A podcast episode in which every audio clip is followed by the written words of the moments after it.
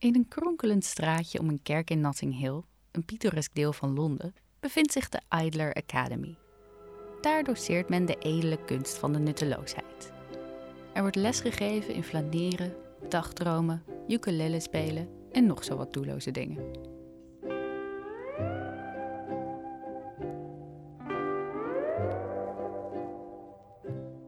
Welkom bij deel 2 van Looswerk, mijn zoektocht naar de zin en onzin van werk.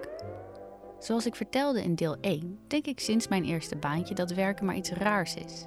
En heb ik me bekwaamd in plezierig niets doen. Dus die Idler Academy, daar wilde ik wel bij horen. Ik meldde me aan als frisse, fruitige stagiaire en stapte op een trein naar Londen. Tijdens het gesprek werd me uitgelegd wat de functie zou inhouden. Om acht uur aanwezig zijn, de deur van de boekwinkel openen, koffie zetten voor klanten en cursisten, de keuken schoonhouden en het onkruid wieden in de tuin. En af en toe een stukje schrijven voor de website. Ik vond het niet iets voor een stagiaire en nam de trein terug naar huis. Niets doen moet wel leuk blijven. Het werk bij de Idler was eigenlijk te nuttig om onbetaald te blijven. In aflevering 1 heb ik me laten vertellen dat werk nuttig is. Anders zou een werkgever er geen geld voor over hebben. Maar die drie eenheid, werk, nut en geld, vind ik niet zo vanzelfsprekend. Ook omdat ik via de Idler kennis maakte met werk van de Amerikaanse antropoloog David Graeber.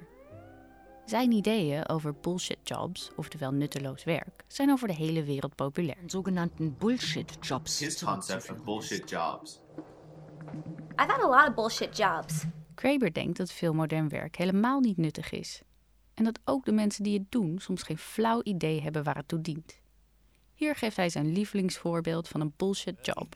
And, and, and if you press them, they'll be like, oh, you know, I'm a human resource consultant. I mostly just, I mostly just go to meetings. And Zou Graeber een punt hebben en is veel werk niet zo nuttig? Of ziet deze vrolijke Frans het belang van Human Resources Consultancy over het hoofd? Nu ik ook aan het werk moet, wil ik me een beter beeld vormen van de rol van nut in werk. Dus deze tweede aflevering van Looswerk gaat over die vraag. Wat is het belang van nut? Het lijkt me niet handig om dit soort gevoelige vragen te stellen aan een potentiële werkgever. Dan wordt het bij voorbaat niets met mijn carrière. Ik kan er beter mee terecht in een vriendelijkere setting. Dus ga ik langs bij Gerben Nap, een vriend die werkt voor Stichting Stro. Die stichting wil ons geldsysteem grondig veranderen. Daarom weet Gerben alles over geld, dus ook wat het met nut te maken heeft. Nut kan op allerlei manieren geïnterpreteerd worden. Nut voor jezelf, nut voor de samenleving. Uiteindelijk nut, ja, we zijn met z'n allen heel veel moeilijke dingen aan het doen. Terwijl we ook met z'n allen in het oerwoud hadden kunnen blijven leven. En daar eh, twee uur per dag voedsel zoeken en dan eh, de rest van de dag een beetje hangen met, met elkaar, zeg maar. Terwijl we nu, ja, we hebben een enorm complexe samenleving samengebouwd die we ook samen in stand moeten houden. Gerben schetst een alternatieve samenleving waarin we maar een paar uur per dag bezig zijn met voedsel verzamelen en ons verder verpozen in de vrije natuur. Dit idee heeft Gerben van de antropoloog Marshall Sahlins. Die beweerde dat mensen in een eenvoudige samenleving veel meer vrije tijd hebben dan mensen in een complexe samenleving en daardoor veel gelukkiger zijn. Maar onze maatschappij is anders. Wij doen allerlei ingewikkelde dingen die niet per se noodzakelijk zijn, maar die we wel als nuttig ervaren. Geneeskunde en loodgieten bijvoorbeeld, dat vinden veel mensen nuttig. Het maken van podcasts en bepaalde vormen van consultancy misschien wat minder.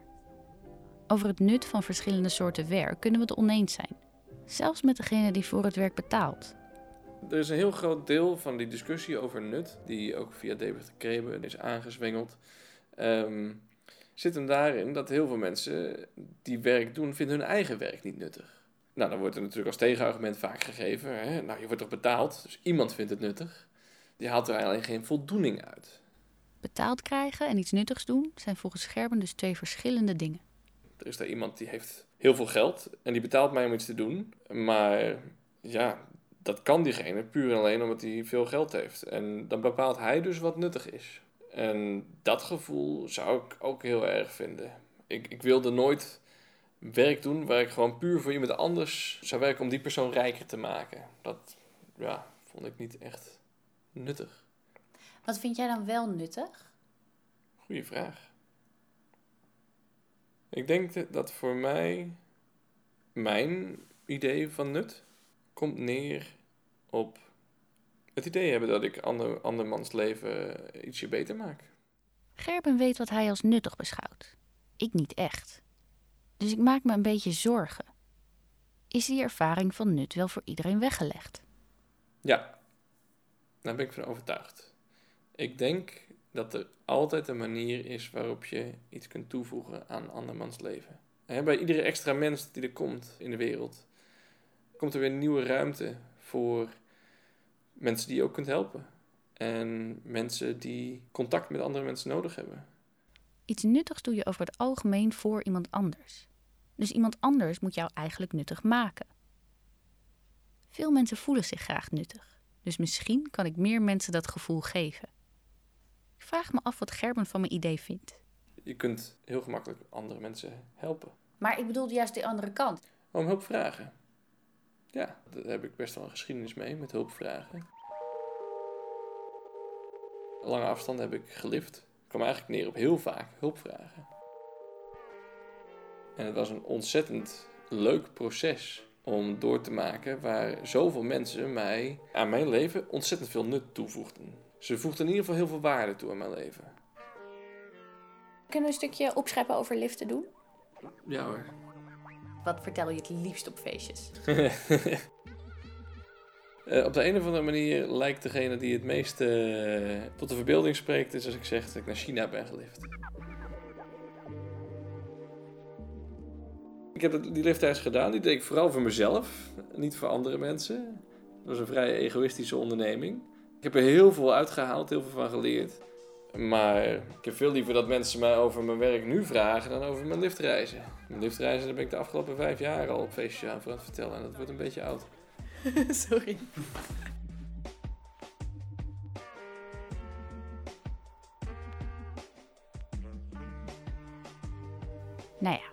Gerben's verhaal is voor mij in ieder geval erg nuttig.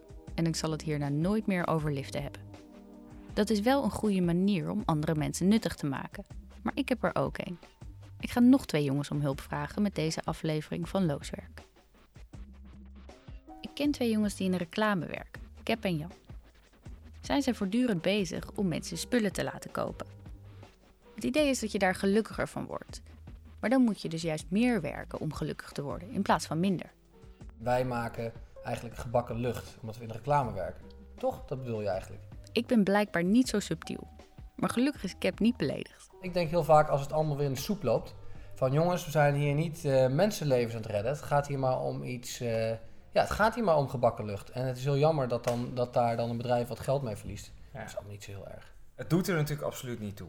Uit, in het grotere geheel der dingen voegt het niet zoveel Nee. toe. Maar wel voor jezelf. Als je het voor zelf jezelf. leuk vindt, Het is wel leuk om 's ochtends op te staan en dan gewoon Ja. gezellig iets te gaan eh, doen. maken. Met allemaal leuke mensen. Ja.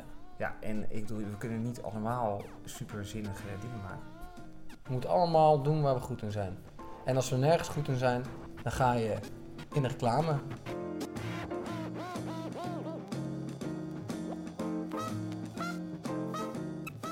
Blijkbaar is die ervaring van nuttig werk lang niet voor iedereen noodzakelijk.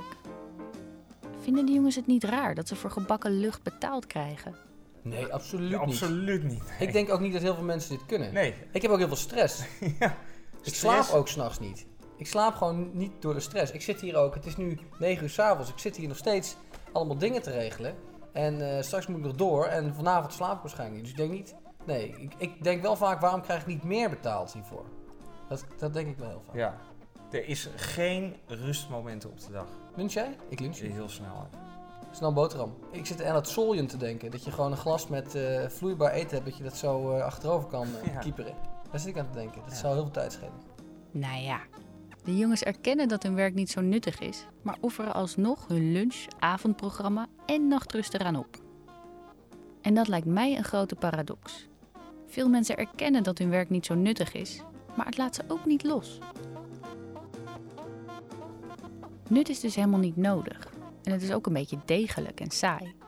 Als werk zonder kan, kan er eigenlijk veel meer. Maar dan weet ik nog steeds niet wat werken nou is. Dus in deel 3 van Looswerk vraag ik niet wat werken is, maar wat werken niet is. Misschien kan een arbeidsschil iemand als ik er wel wat mee.